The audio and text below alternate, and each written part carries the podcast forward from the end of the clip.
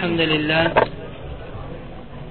نحمده ونستعينه ونستغفره ونعوذ به من شرور أنفسنا ومن سيئات أعمالنا.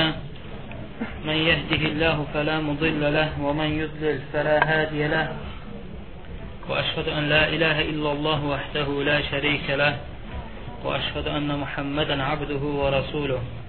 رب اشرح لي صدري ويسر لي أمري. واحلل عقدة من lisani yafqahu qawli. Amma ba'd.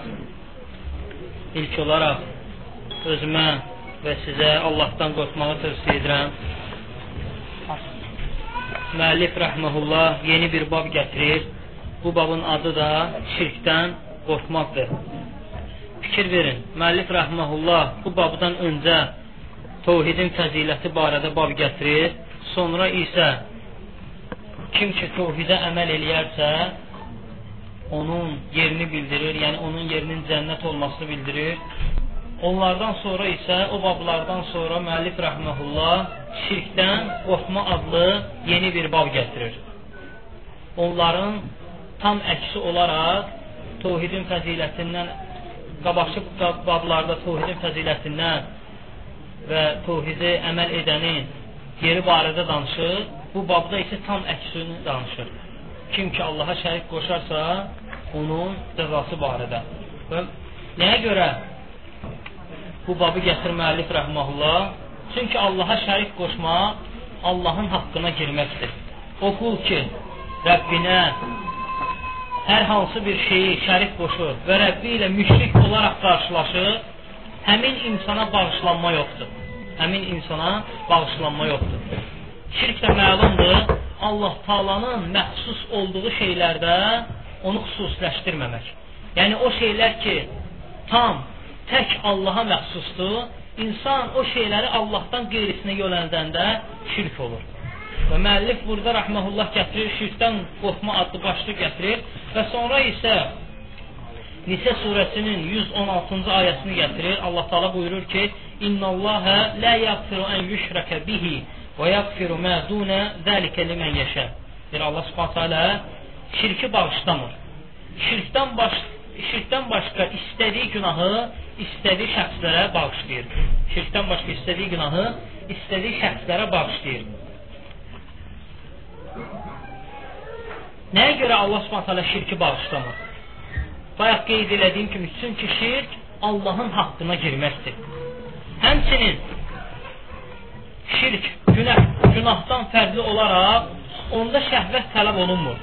Günah elə bir şeydir ki, insanın nəfsi onu tələb edir və şəhvətlərinə uyaraq gez günah eləyir. Məsələn, geri oğurluq eləyir, zina eləyir, içki içir və s. günahları eləyir. Yəni öz nəfsinə, imanı zəif olduğuna görə tabi olur öz nəfsinə və gedir günahları eləyir, şəhvətinə uyur. Ancaq şirkdə şəhvətə uyasa heç bir şey yoxdur. Yəni insan deyə bilməz ki, imanım zəiflədi, gedib günah elədim. Və yaxud da dözmədim, gedib günah elədim. Nəyə görə? Çünki bunların heç birinə yeri yoxdur. Nə şəhvət tələb olunur, nə də nəfsə uymaq tələb olunur şirk eləməkdə. Ona görə insan deyə bilməz ki, imanım zəiflədi, bacarmadım, gedib şirk elədim. Həmçinin şirk ən böyük zülümdür. Allah Subhanahu Quran-ı Kərimdə buyurur ki: "İnne şirke le zulmun azim." Həqiqətən də şirk ən böyük zülümdür. Həqiqətən şirk ən böyük zülümdür. Allah Taala bu ayədə bəyan edir ki, Allah Subhanahu taala ona şərik qoşanı bağışlamır. Ancaq biz keçən dərslərimizdə də qeyd elədik ki, şirkin iki növ var. Böyük şirk və kiçik şirk. Yəni belə bir sual ortaya çıxır ki, Allah Subhanahu taala yalnız böyük şirki bağışlamır, yoxsa böyük şirklə yanaşı kiçik şirklə bağışlamır. Bu məsələdə alimlər ixtilaf ediblər. Demək olar ki, Şeyxülislam İbn Teymiyyə iki rəyin ikisini də gətirir. İki rəyin ikisini də ayrı-ayrılıqda qeyd edir və o rəyləri seçir.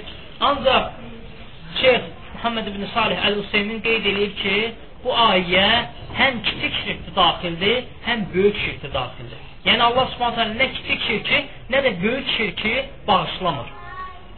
Fərqi yoxdur. Kiçik şirk, böyük şirk Allah Subhanahu bağışlamır. Və düzgün rəydə demək olar ki, bu rəydir. Allah Taala kiçik şirki də, böyük şirki də bağışlamır. O insan ki, Allah Taala ilə qarşılaşdı, e, şirk edərək qarşılaşıb, Allah Taala onun şirkini bağışlamır. Ancaq kiçik şirklə böyük şirk arasında fərq var. Fərq nədir? Böyük şirki edən şəxs cəhənnəmlikdir. Bu dünyada ikən İslamdan çıxır, bütün əməlləri puç olur, batil olur, istəyir gecə gündüz ibadət eləsin, batil olur, nə qədər yaxşılıqlar edir etsin, fərqi yoxdur. Batil olur və axirətdə də əbədi olaraq cəhənnəmə düşür. Ancaq kiçik şirk edən isə yox. Müsəlman olaraq qalır. Yəni kiçik şirk edən müsəlmandır, kafir olmur. Qiyamətdə də Allah Subhanahu onu bağışlamasa, o demək deyil həmin insan cəhənnəmlikdir. Allah Taala bağışlamır, onun o kiçik şirki günah olaraq ölçüləcək. Ola bilsin həmin şəxsin savab işləri çox olsun və üstələsin cənnətə girsin ilk anda. Yox, ola bilsin də günah işləri, yəni günahları kiçik-kiçik daxil olmaqla daha ağır olsun və həmin insan cəhənnəmə girsin, cəzasını çəkdikdən sonra çıxıb cənnətə girsin. Ancaq böyük şirk sahibi isə yox, əbədi olaraq cəhənnəmlikdir. Allah Subhanahu taala sonra bu ayənin axırında deyir ki: "Və yəğfiru mə dunə zəlikə limən yeşə." Allah Taala buyurur ki, şirkdən başqa heç bir günahı bağışlamır. Ondan şirk, yəni şirkdən başqa, ondan başqa istədiyi günahı istədiyi şəxslərə bağışlayır. Yəni Allah Subhanahu taala burada tək şirki qeyd edir. Yəni deyir ki, tək şirki bağışlamır. Bu ayəni necə başa düşək? Yəni Allah Taala bir dənə şirki bağışlamır. Ondan başqa istədiyi günahları bağışlayır. Yox. Bu ayədə bu, bu ayədə bu nəzərdə tutulmur. Yəni bu ayədə o nəzərdə tutulur ki, şirklə yanaşı olan günahların heç birini Allah Subhanahu taala bağışlamır. Şirkdən aşağı səviyyədə olan günahları bağışlayır. Məsələn, insan da Allaha şərik qoşmayıb, ancaq Allah Taala'nın adından yalan danışıb. Bağışlamır Allah Subhanahu taala. Şirk kimi o, o üzrə günahları da bağışlamır Allah Taala. Yəni ona görə bu ayədə düzgün mənası odur ki, şirkdən aşağı olan günahları, aşağı səviyyədə olan günahları istədiyi şəxsə bağışlayır. İstədiyi günahları istədiyi şəxsə bağışlayır. Ayənin düzgün mənası da məhz budur. Tək şirki yox, şirklə yanaşı olan günahları da, yəni şirkin ətrafında olan günahları da Allah Subhanahu bağışlamır. Şirkin dərəcəsindən aşağı olan günahları, yəni səviyyə cəhətdən onları bağışlayır Allah Taala. Yəni o o günahlar ki, məsələn, bayaq qeyd elədiyim kimi Allahın adından yalan danışmaqdır, eləməkdir. Bu cür şeyləri də Allah Subhanahu bağışlamır. Sonra müəllif rahimehullah həmçinin bu ayə bu ayə həm xavariclərə rəddi, həm də ki mu'təzillərə rəddi. Çünki Allah Subhanahu deyir axı bu bu ayədə ki, Allah Taala şirki bağışlamır, ondan başqa günahla istədiyi günahı istədiyi şəxslərə bağışlayır. Nəyə görə bu ayə xavariclərə, həm də mu'təzillərə e, rəddir? Çünki xavariclər deyir ki, insan böyük günah edirsə, bu dünyada ikən kafirdir və qiyamətdə də əbədi olaraq cəhənnəmlikdir. Allah amma Allah Subhanahu burada qeyd edir ki, yox. Allah Taala ancaq şirki bağışlar, amma hər bir böyük günahı da ola bilsin bağışlasın. Yəni istədiyi şəxsə istədiyi günahı bağışlaya bilər. Amma kafirə bağışlamır Allah Subhanahu Ona görə bu ayə həm xavariclərə, həm də mu'təzillərə. Mu'təzillər də deyir ki, böyük günah sahibini, yəni böyük günah sahibi bu dünyada nə mömindir, nə də ki kafirdir, ancaq qiyamətdə isə əbədi olaraq cəhənnəmlikdir, yəni kafirdir. Həmçinin bu ayə onlara da rəddir. Çünki Allah Subhanahu burada qeyd edir ki, Allah Taala günahları bağışlayır. İstədiyi günahı istədiyi şəxsə bağışlayır. Ancaq bu ayəni tövbə edənlərə şamil eləmək olmaz. Kim ki səmimi qəlbdən, səmimi qəlbdən tövbətun nasuh adlanır. Yəni bütün şərtlərinə əməl edərək Rəbbinə tövbə eləyirsə, şirk olsa belə Allah Subhanahu onu bağışlayır. Şirk olsa belə Allah Taala həmin o günahı, həmin o şirki belə həmin şəxsə bağışlayır. Sadəcə olaraq insan səmimi qəlbdən bütün şərtlərə əməl edərək tövbə etsə, Allah Taala onu bağışlayır. Ancaq bu dəqiqə subhanallah tövbə elə bir şey olub ki, adi bir şeydir. İnsan günah eləyir, sonra tövbə eləyir. Elə bir ki, adi bir istighfar diləyir. Ona görə Fudayl ibn İyaz bizim kimlərin tövbələrini vəsf edərək buyurur ki, bizim deyir tövbəmizin özünün də istighfarın özünün də istighfara ehtiyacı var. Ona görə insan tövbə etməmişdən qabaq fikirləşməlidir, peşman olmalıdır. Özünə söz verməlidir ki, bu bir də bu əmələ qayıtmayacaq, həqiqi peşmançılıq çəkməlidir. Sonra müəllif rəhməhullah ikinci ayəni gətirir. O da İbrahim surəsinin 35-ci ayəsidir. İbrahim əleyhissalamın dili ilə Allah Taala Qurani Kərimdə buyurur ki: "Və cunubni və bəniyyə en na'budal asnam." Məni də, mənim övladlarımı da bütə ibadət etməkdən uzaqlaşdır, qoru. Bizə məlumdur ki, İbrahim əleyhissalamın iki dənə övladı olub. İbrahim və İshak. Ola e, e, İbrahim, e, İsmail və İshak. İsmail və İshak. Ola bilsin İbrahim əleyhissalamın bu iki övladından başqa da övladları olub. Ola bilsin də olmayıb. Yəni bizə məlumdur ikisi. Çünki nə Quran-ı Kərimdə, nə sünnədə bu ikisindən başqa ayrı bir övlad qeyd olunmur. Yəni İsmail ilə İshaqdan başqa ayrı bir övlad qeyd olunmur. Amma İbrahim əleyhissalam burada övladlarımı deyir, cəm halda işlədir. Ona görə bəzi alimlər deyir ki, ola bilsin İbrahim əleyhissalam burada təkcə övladlarını yox, həmçinin də zürriyyətini nəzərdə tutur. Yəni məni də, mənim zürriyyətimi də bütlərə ibadət etməkdən uzaqlaşdır, qoru. Müəllif rəhməhullah bu ayəni nəyə görə gətirib? Müəllif rəhməhullah demək istəyir ki, baxın, İbrahim əleyhissalam heç peyğəmbərlik gəlməmişdən öncə belə Allaha şərik qoşmayıb uşaq olduğu, uşaq olanda belə Allaha şərik qoşmayın. Həmçinin bütün peyğəmbərlər. Yəni həm İslamın peyğəmbərlik verilməmişdən qabaq da Allaha şərik qoşmayıblar. Eləcə də İbrahim əleyhissalam. O cürə peyğəmbərdir. Allahın xəlili, dostu adlanan peyğəmbərdir. Həmçinin ən əzəmətli 5 peyğəmbərdən biridir İbrahim əleyhissalam. Peyğəmbərlərin atası sayılan peyğəmbərlərdəndir. Onunla belə o cürə peyğəmbər Allaha şərik qoşmaqdan qorxur. Deyir ki, Allaha dua edərək buyurur ki, məni də, mənim övladlarımı da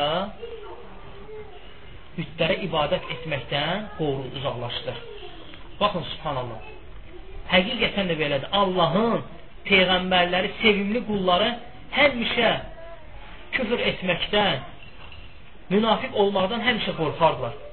Baxın Peyğəmbər sallallahu aleyhi və səlləmin ölümü yaxınlaşarkən ən çox etdiyi dua buyurur ki, e, necə Ayşə radiyallahu anhə buyurur, deyir ki, ey bir qəlbləri sabit edən, mənim bir qəlbimi öz dinin üzərində sabit et. Ən çox bu duanı edirdi Peyğəmbər sallallahu ölümünə yaxın. Baxın, İbrahim əleyhissalam baxmayaraq Peyğəmbərdir, dua edir ki, məni yəni şirk qoşmaqdan qoru. Allahın sevimli qulları bu cür idi. Allaha şərik qoşmaqdan, münafiq olmaqdan daima qorxarlar. Ona görə təbiinlərdən olan İbn Əbu Muleykə rahimehullah buyurur ki, 30 dənədir peyğəmbər sallallahu alayhi və səlləmin sahabəsi ilə qarşılaşdım. Hamısı münafiq olmaqdan qorxardılar. Hamısı qorxurdular ki, münafiq olaraq. Ona görə O hədisdə ki, münafiqlər, münafiqlərin əlamətləri qeyd olunur. Mömin çalışmalıdır ki, onlardan daima qaçsın, uzaq dursun. Sahabələr onlardan birinə nəinki yaxın gəldikdə, yaxınlaşdıqda artıq qorxmağa başlayarlar. Baxın, Ömər radiyallahu anhu İslamı qəbul edən ilk sahabələrdəndir. Həmçinin cənnətlə müjdələnən 10 sahabədən biridir. Eləcə də dörd xəlifi e, dörd raşidi xəlifələrin ikincisidir. Daima Peyğəmbər sallallahu aleyhi və sələmin yanında olur. Bütün döyüşlərdə də iştirak edib Peyğəmbər sallallahu aleyhi və sələm bütün döyüşlərində iştirak edib. Onunla belə münafiq olmaqdan qorxardı. Ona görə Huzeyfə radiyallahu anhunun yanına gəlib buyururdu ki, münafiqlərin adlarını mənə bilin. Nəyə görə Huzeyfə İbn Yəmənin yanına gəlirdi. Çünki Huzeyfə ibn Yəmən fitnə barədə ən çox bilən səhabə idi. O səhabə Peyğəmbər səsəm sirdaşı adlanır. Peyğəmbər sallallahu aleyhi və səlləm münafiqlərin adlarını təkcə ona demişdi. Fitnə barəsində ən gözəl bilən sahabə o idi. Ən elmli sahabə Huzeyf ibn Yəməndir. O da bəyan edir nəyə görə belə çox bilib, yaxşı bilib bu barədə. Özü Buxarda gələn hədisdə buyurur ki, bir Peyğəmbər sallallahu aleyhi və səlləmin səhabələri Peyğəmbər sallallahu aleyhi və səlləmdən xeyr haqqında soruşurdular, ancaq deyir, mən şər haqqında soruşurdum. Sonra bəyan edir nəyə görə? Deyir, məxafətən ən yudrikəni. Qorxurdum ki, o şər məni tutsun ona görə. Ona görə şərif haqqında soruşurdu və şərdən uzaqla həmin o şərlərdən uzaqlaşardı. Ona görə fitnə barədə ən çox o bilirdi. Və Peyğəmbər sallallahu əleyhi münafiqlərin adlarını ona demişdi. Məs Ömər radiyallahu anhu ona yaxınlaşıb deyirdi ki, mən, mən o münafiqlərin adını mənə deyin. Nəyə görə Ömər radiyallahu anhu soruşur, bilmək istəyir ki, öz adı orada var ya yoxdur.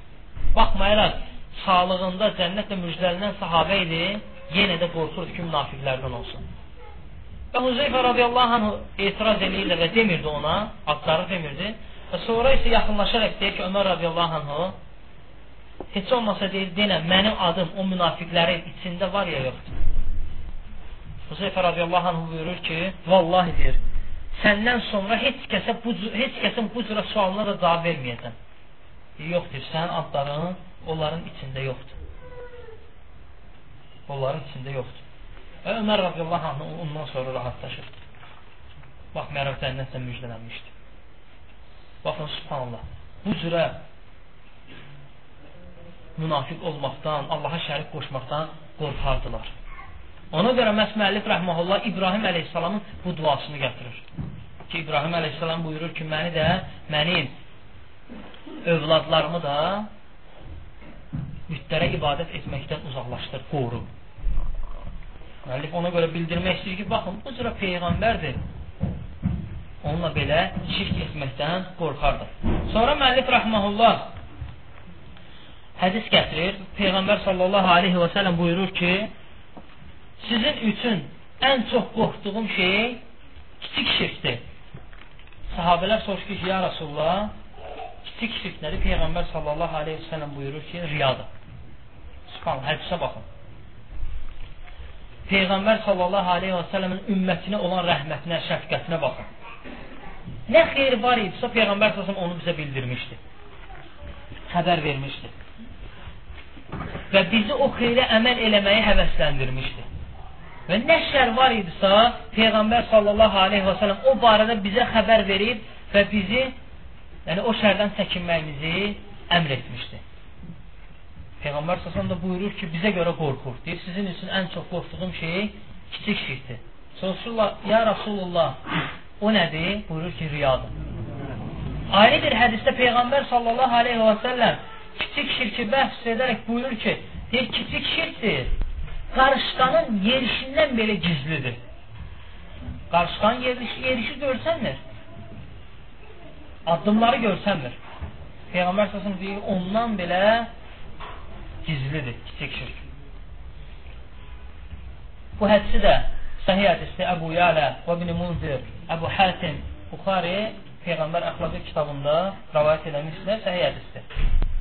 Peyğəmbər səsən buyurur ki, sizin üçün ən qorxduğum şey kiçik şirkdir. Sahabələr buyurur ki, ya Rasul, kiçik şirk nədir? O nədir? Buyurur ki, riyadır.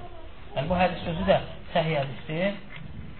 İmam Əhməd, Heytəmi rəvayət edirlər və Albani və digərləri səhihləşdirir. Yəni, hədis səhih hədis Səhih, hədis səhihdir.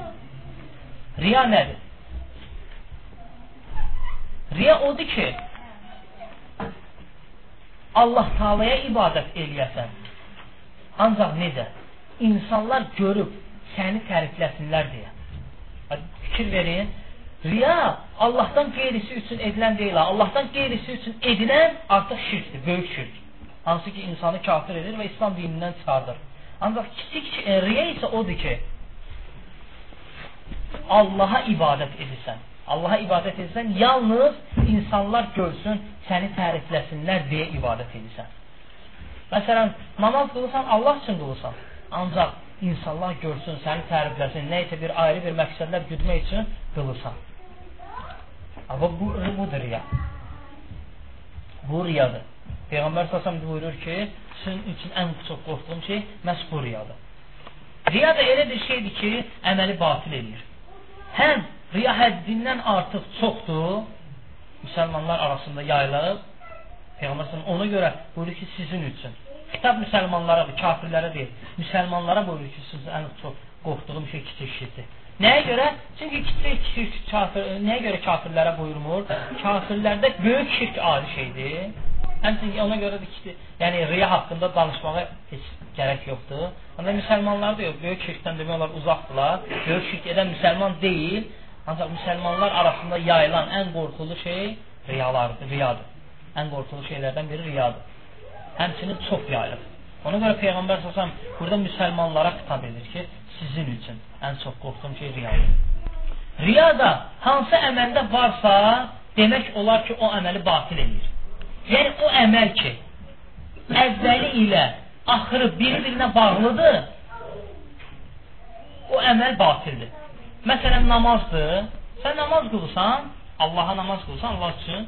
Və elə oldu ki, kimsə gəldi, o görsün deyinə namazı gözəlləşdirirsən, biraz gec qılsan, nə ağlayırsan, neyinsən, bu cürə şeylər. Yəni riya gəlir. Həmin ibadət batildir. Və ona görə də sən günah qazansan. Kiçik şirkdir və bağışlanmayan günahdır. Ancaq yox, o əvvəl ki, əvvəli ilə axırı biri-birinə bağlı deyil, riya hara gəlibsə oranı batil edir. Məsələn, bir nəfərdir, İstəyir Allah yolunda sədəqə versin, 100 manat sədəqə vermək istəyir. 50-sini verir, Allah üçün verir. Bu qəbuldur, bunda problem yoxdur. Sonra kimsə gəlir, çıxardıq 50-ni də verir ki, onsuz da verəcəkdir. Prosta indi o görsün deyinə verir. Və həmin o 50 manatın verdiyi tərəf batildir. Amma birinci tərəf isə yox.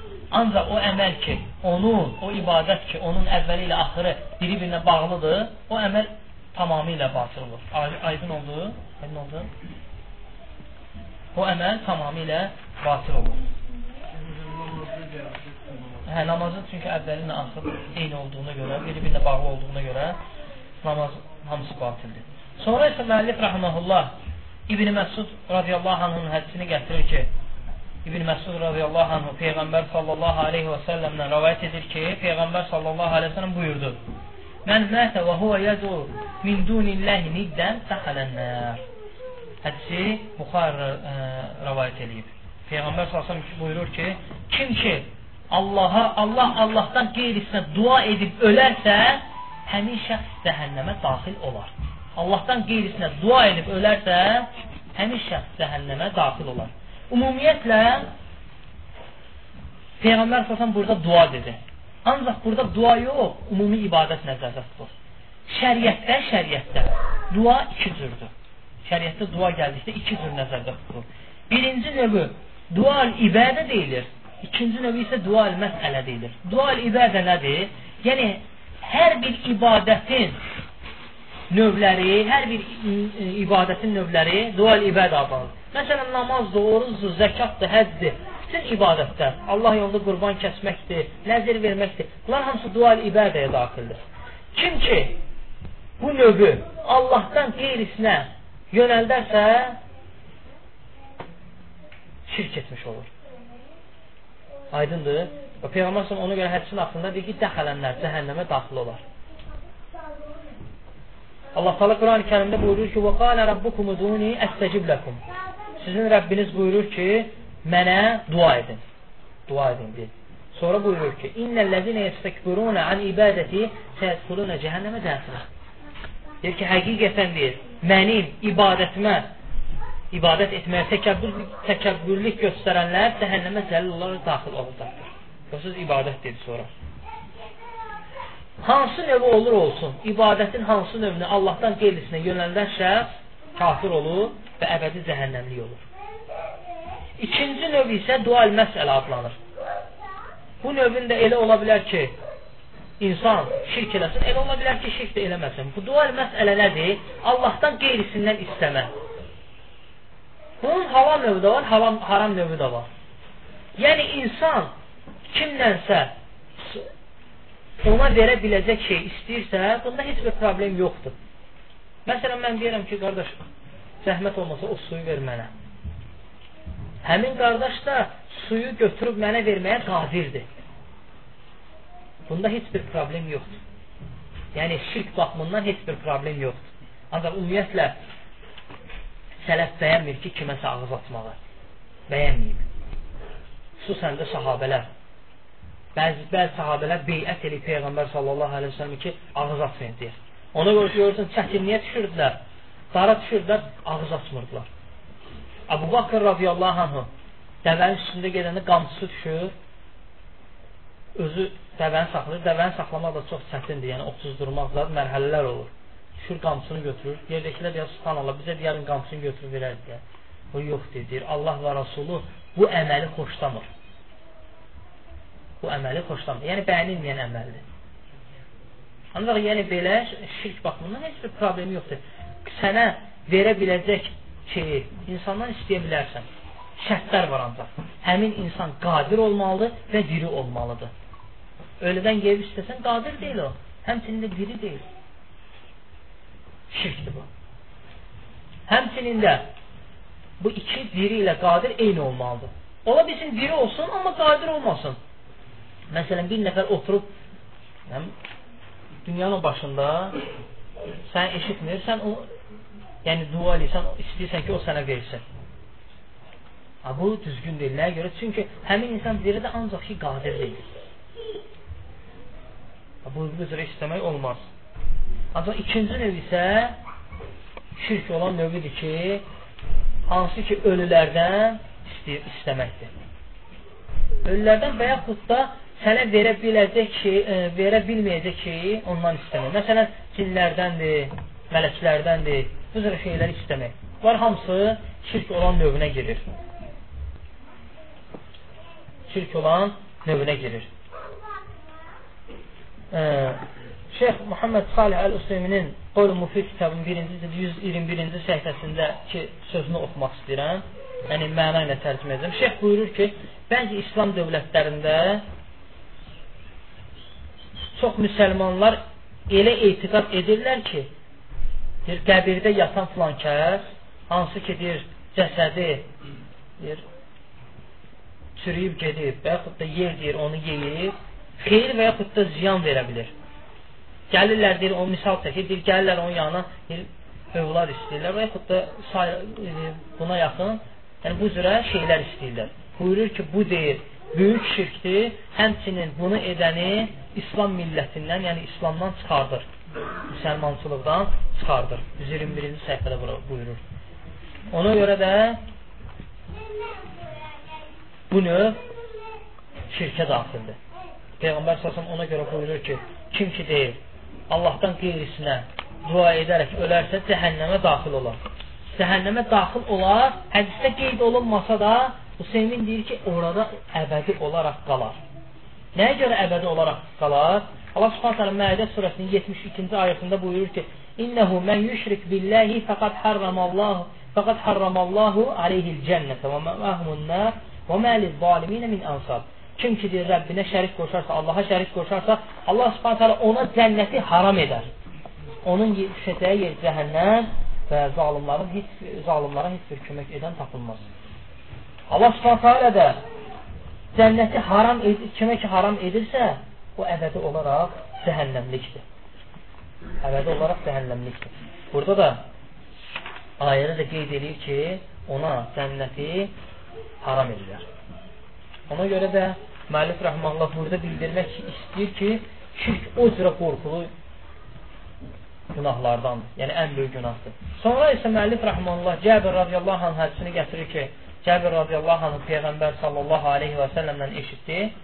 Peyğəmbər sallallahu buyurdu ki, yəni bu muslimdəki ləfsidir. Buyurur ki, kim ki Allahla qarşılaşarsa, o, kim ki Allahla ona şərik qoşmayaraq qarşılaşarsa, cənnətə daxil olar. Birinci hədisdə Buxardakı ləfsində gəlir ki, kim ki Allaha şərik qoşaraq qarşılaşarsa Allah Taala ilə cəhənnəmə daxil olar. Burada isə buyurur ki, kim ki Allahla ona şərik qoşmadan qarşılaşarsa cənnətə daxil olar. O, o birinci hədisin tam əksi.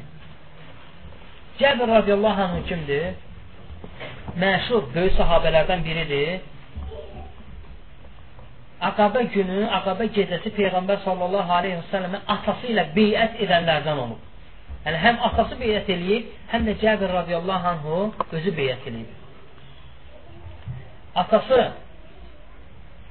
Uhud döyüşü günü, Uhud döyüşü günü e, şəhid olur və ancaq Cəbir radiyallahu anh həmin döyüşdə iştirak eləmir. İştirak eləməməyin səbəbi də atası olur.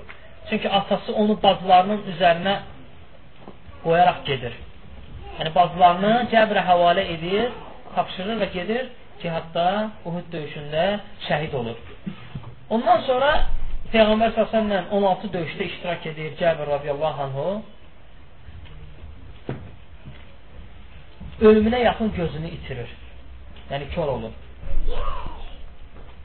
Həmçinin Əqabə gecəsi Peyğəmbər sallallahu aleyhi ve sellem beyət edən sahabələrin içində ən sonu ölən Cəbir radiyallahu anh olur. 540 dənə hədis rəvayət olunub ondan. 540 dənə yəni hədis rəvayət eləyib. Ümumiyyətlə Buxari və Müslim ikisi bir yerdə ondan 58 dənə hədis rəvayət eləyib. Buxari təklikdə 26, Müslim təklikdə 26 dənə hədis rəvayət eləyib ondan. 94 yaşında vəfat eləyib. Cəbir radiyallahu anh. Və buyurur ki, kim Allah Peyğəmbər sallallahu buyurur ki, Peyğəmbər sallallahu dedi, kim ki Allahla ona şərik qoşmayaraq qarşılaşarsa, Allah Taala onu cənnətə daxil eləyər. Yəni insan şirk etməyib ancaq günah əhli olub. Yəni böyük günah eləyib, kiçik günah eləyib, yəni günahları çox olub. Allahla qarşılaşıbsa, o insan mütləq e, cənnətə girəcək mütləq həmin insan cənnətə girəcək. Yəni o insanlar ki, Allaha heç bir şey şərik qoşmayıblar, o insan mütləq cənnətə girəcək. Gecə tezi var. Ya Allah Subhanahu onu bağışlayacaq. Həmin insan ilk anda ikən cənnətə girəcək, yəni cəhənnəmi görmədən cənnətə daxil olacaq və yaxud da cəhənnəmə girəcək, cəzasını çəkdikdən sonra çıxaraq cənnətə daxil olacaq. Ancaq nə vaxtsa daxil olacaq. Yəni o şəxs ki, Allaha şərik qoşmayıb, mütləq həmin şəxs cənnətə daxil olacaq. Peyğəmbər səsən də buyurur ki, Allaha heç bir şey deyir, heç bir şey şərik qoşulmursa. Burada heç bir şey dedikdən, yəni ümumi formada gəlir. Hər bir şey daxildir. Fərqi yoxdur, istəyir daş olsun, istəyir canlı olsun, istəyir cansız olsun, istəyir peyğəmbər olsun, istəyir mələk olsun, fərqi yoxdur. Allahın sevdiyi qul olsun, sevmədiyi qul olsun, Allaha şərik qoşubsa onu daxil olmayacaq. Ancaq heç bir şeyi şərik qoşmayıbsa, həmin insan cənnətə daxil olacaq. Nə vaxtsa daxil olacaq.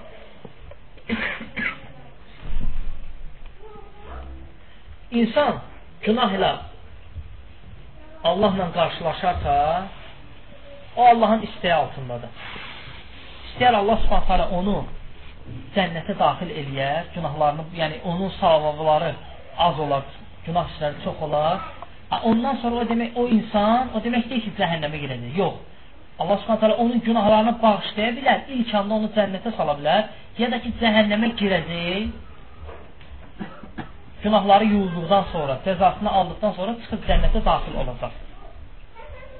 Və yaxud da günah işləri də olsun, savab işləri də olsun, amma savab işləri günah işlərini üstələsin, çox olsun, həmin insan ilk anda cənnətə daxil olacaq. Ola bilsin Allah Subhanahu onu cənnətə daxil etdikdə günah işlərini bağışlasın. Həmin insan cənnətə daxil olsun və dərəcəsi həddindən artıq çox olsun, yüksək olsun və elə də olsun, ola bilər ki, bağışlamasın. Cənnətə ə, dərəcəsi az olsun, və lakin ilk anda ikən cənnətə girəcək. Aydındır? Ancaq kim ki şirk qoşubsa, Allah Subhanahu bağışlamayacaq. Böyük şirk qoşubsa, əbədi olaraq cəhənnəmlikdir. Kiçik şirk qoşubsa, mütləq həmin şəxs günahını, e, cəzasını almalıdır. Necə cəzasını alacaq? Ya savab nə qədər çoxlu savab işləri silinəcək və yaxud da savab işləri o qədər deyilsə, onu cənnətə salan dərəcədə deyilsə, cəhənnəmə girəcək. Cəhənnəmdə əzabını, cəzasını çəkdikdən sonra çıxıb cənnətə daxil olacaqdır. Və müəllif rəhməhullah bu ayə və hədisləri qeyd eləyir. Bu babdan, bu fəsildən bir çox faydalar çıxır. Birinci odur ki, biz burada gördük ki, hər bir insan şirkdən qorxmalıdır. Hər bir insan şirkdən qorxmalıdır. Və müəllif rəhməhullah burada bizə İbrahim əleyhissalamın misal gətirir. Baxın, ən güclü peyğəmbərlərdəndir, ən əzəmətli 5 peyğəmbərlərdən biridir. Onunla belə Allaha şirk qoş qoşmamaq üçün Allaha dua edir. Şirkdən Allaha sığınır. Və həmçinin bildik ki, riya şirkdən sayılır. Bu hədis dəlildir ki, bayaq qeyd elədiyimiz hədis dəlildir ki, riya şirkdəndir. Nəyə görə bunu bilməyimizin faydası nədir? Bilməliyik ki, şirk bağışlanmayan günahdır. Əgər biz riya olursa əməlimizdə Allah Subhanahu bizim hamımızı riya eləməkdən qorusun, riyadan qorusun. Həmin o riya bağışlanmayan günahlardandır. Ancaq e, həmçinin faydalarından da bildik ki, böyük şirk yox, kiçik şirkdir, riya. Və həmçinin faydalandıq ki, salihlərin əməllərindəndir ki, daima ümidlə yanaşı qorxu içində, qorxu ilə ya ya yaşasınlar. Bizə baxın Ömər radiyallahu anhu misal gətirdik, İbrahim əleyhissalam peyğəmbərimizin özünü misal gətirdik. Həmçinin bu fəsildən gördük ki, cənnət və cəhənnəm insana necə yaxındır. Şirk qoşanda həmin insan cəhənnəmə necə yaxındır, eləcə də Allaha şərik qoşmursa, insan cənnətə bir o qədər yaxındır. Və balaca fəsildə inşallah gələn dərs yeni baba girəcək. Sallallahu aleyhi və aleyhi və aleyhi.